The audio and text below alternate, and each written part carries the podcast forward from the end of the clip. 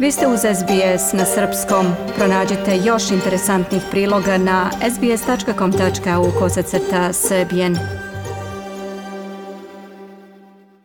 Slušate SBS radio program na srpskom jeziku. Australijski institut za ljudska prava uputio je poziv građevinskoj industriji da uvede petodnevnu radnu sedmicu kako bi se doprinelo dobrobiti zaposlenih u ovom sektoru – u pozivu koji je podržala i vlada Novog Južnog Velsa, kaže se da uobičajena šestodnevna radna nedelja izaziva stres, probleme s mentalnim zdravljem i ozbiljno iscrpljivanje. Također studija ističe prednosti zatvaranja gradilišta tokom vikenda. Pored napornog rada, mnogi građevinski radnici moraju daleko i da putuju do lokacija na kojima rade. Jedan od njih je Sosujave Hikite koji živi na centralnoj obali Novog Južnog Velsa, a trenutno radi na gradilištu na jugozapadu Sidneja. Tolika udaljenost od njega zahteva naporna svakodnevna putovanja. Sosuja kaže da iz kuće izlazi u 3.15 ujutro kako bi stigao na vozu pola četiri, ako uspe da završi obaveze u Bankstownu do 5.30 popodne, kod kuće je obično oko 8 sati uveče. Kao i mnogi zaposleni u građevinskoj industriji, Isosuja obično radi i subotom, zbog čega mu ostaje vrlo malo vremena da provede sa svojom partnerkom i njihovo troje dece.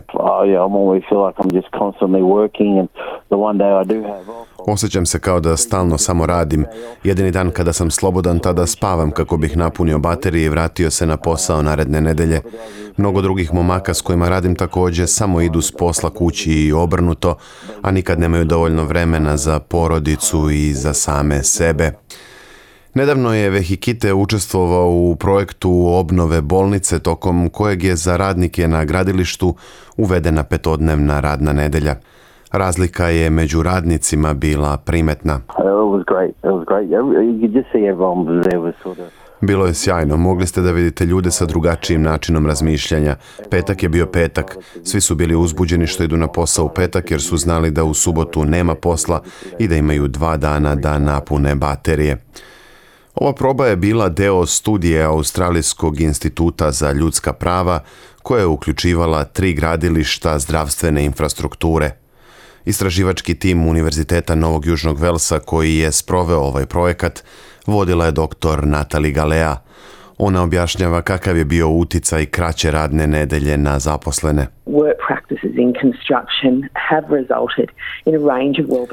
Radne prakse u građevinarstvu dovele su do niza problema za dobrobit radnika, uključujući pojačan stres, iscrpljivanje, loše mentalno zdravlje i anksioznost.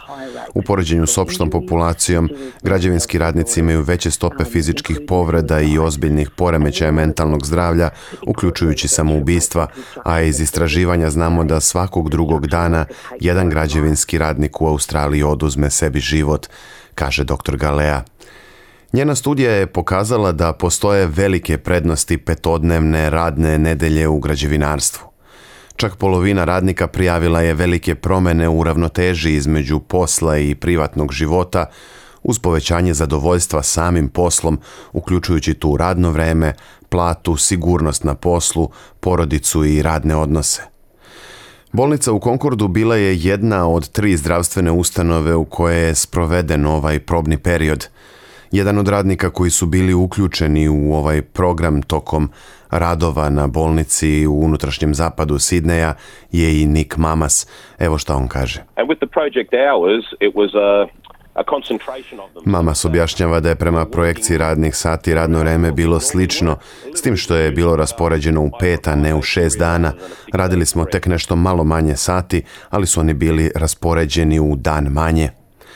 Nik Mamas kaže i da promjena nije dovela do štetnih uticaja na cenu i realizaciju projekta, ali jeste donela veliku korist zaposlenima. You gained 50 odd days in your na ovaj, ovaj način dobijamo nekih 50 dodatnih slobodnih dana u godini, jer se subotom ne radi.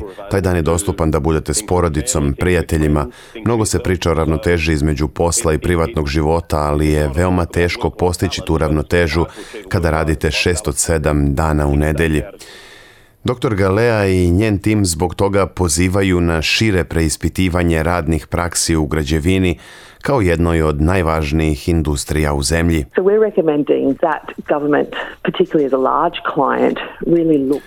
Preporučujemo posebno državnim vladama kao velikim klijentima da razmotre preoblikovanje načina na koji ugovaraju građevinske projekte i da uzmu u obzir druge elemente izvan direktnih troškova obavljanja posla.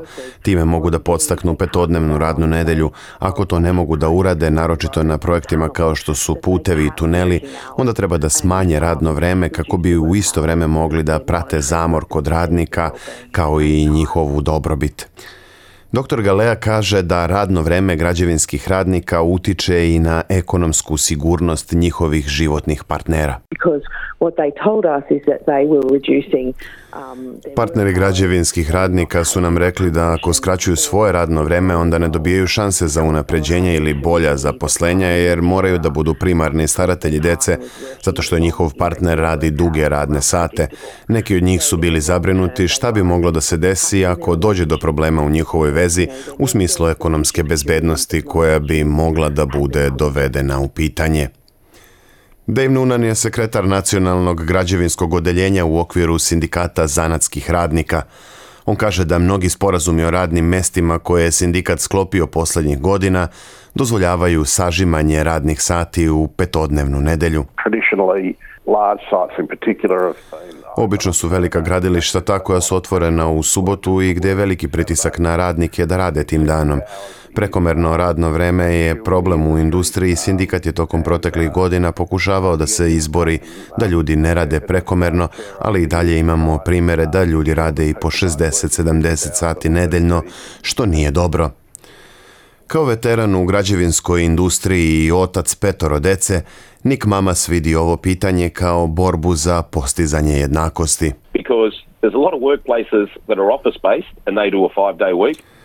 Imajući u vidu da je mnogo kancelarijskih radnih mesta na kojima se radi petodnevna nedelja, osjećam da smo na neki način u građevinskoj industriji postali građani drugog reda, jer je za nas norma da radimo šest sati nedeljno. Ne mogu da istrpim tu nepravednost da mi odvajamo više vremena od svojih života, a kada se osvrnemo unazad kažemo da nisam morao da žrtvujem svoje subote, imao bih mnogo više vremena za porodicu, kaže mama sa zabeležio je Geret Boram iz SBS News. Ja sam Branko Cvetojević, ostanite uz program na srpskom jeziku. Želite da čujete još priča poput ove? Slušajte nas na Apple Podcast, Google Podcast, Spotify ili odakle god slušate podcast.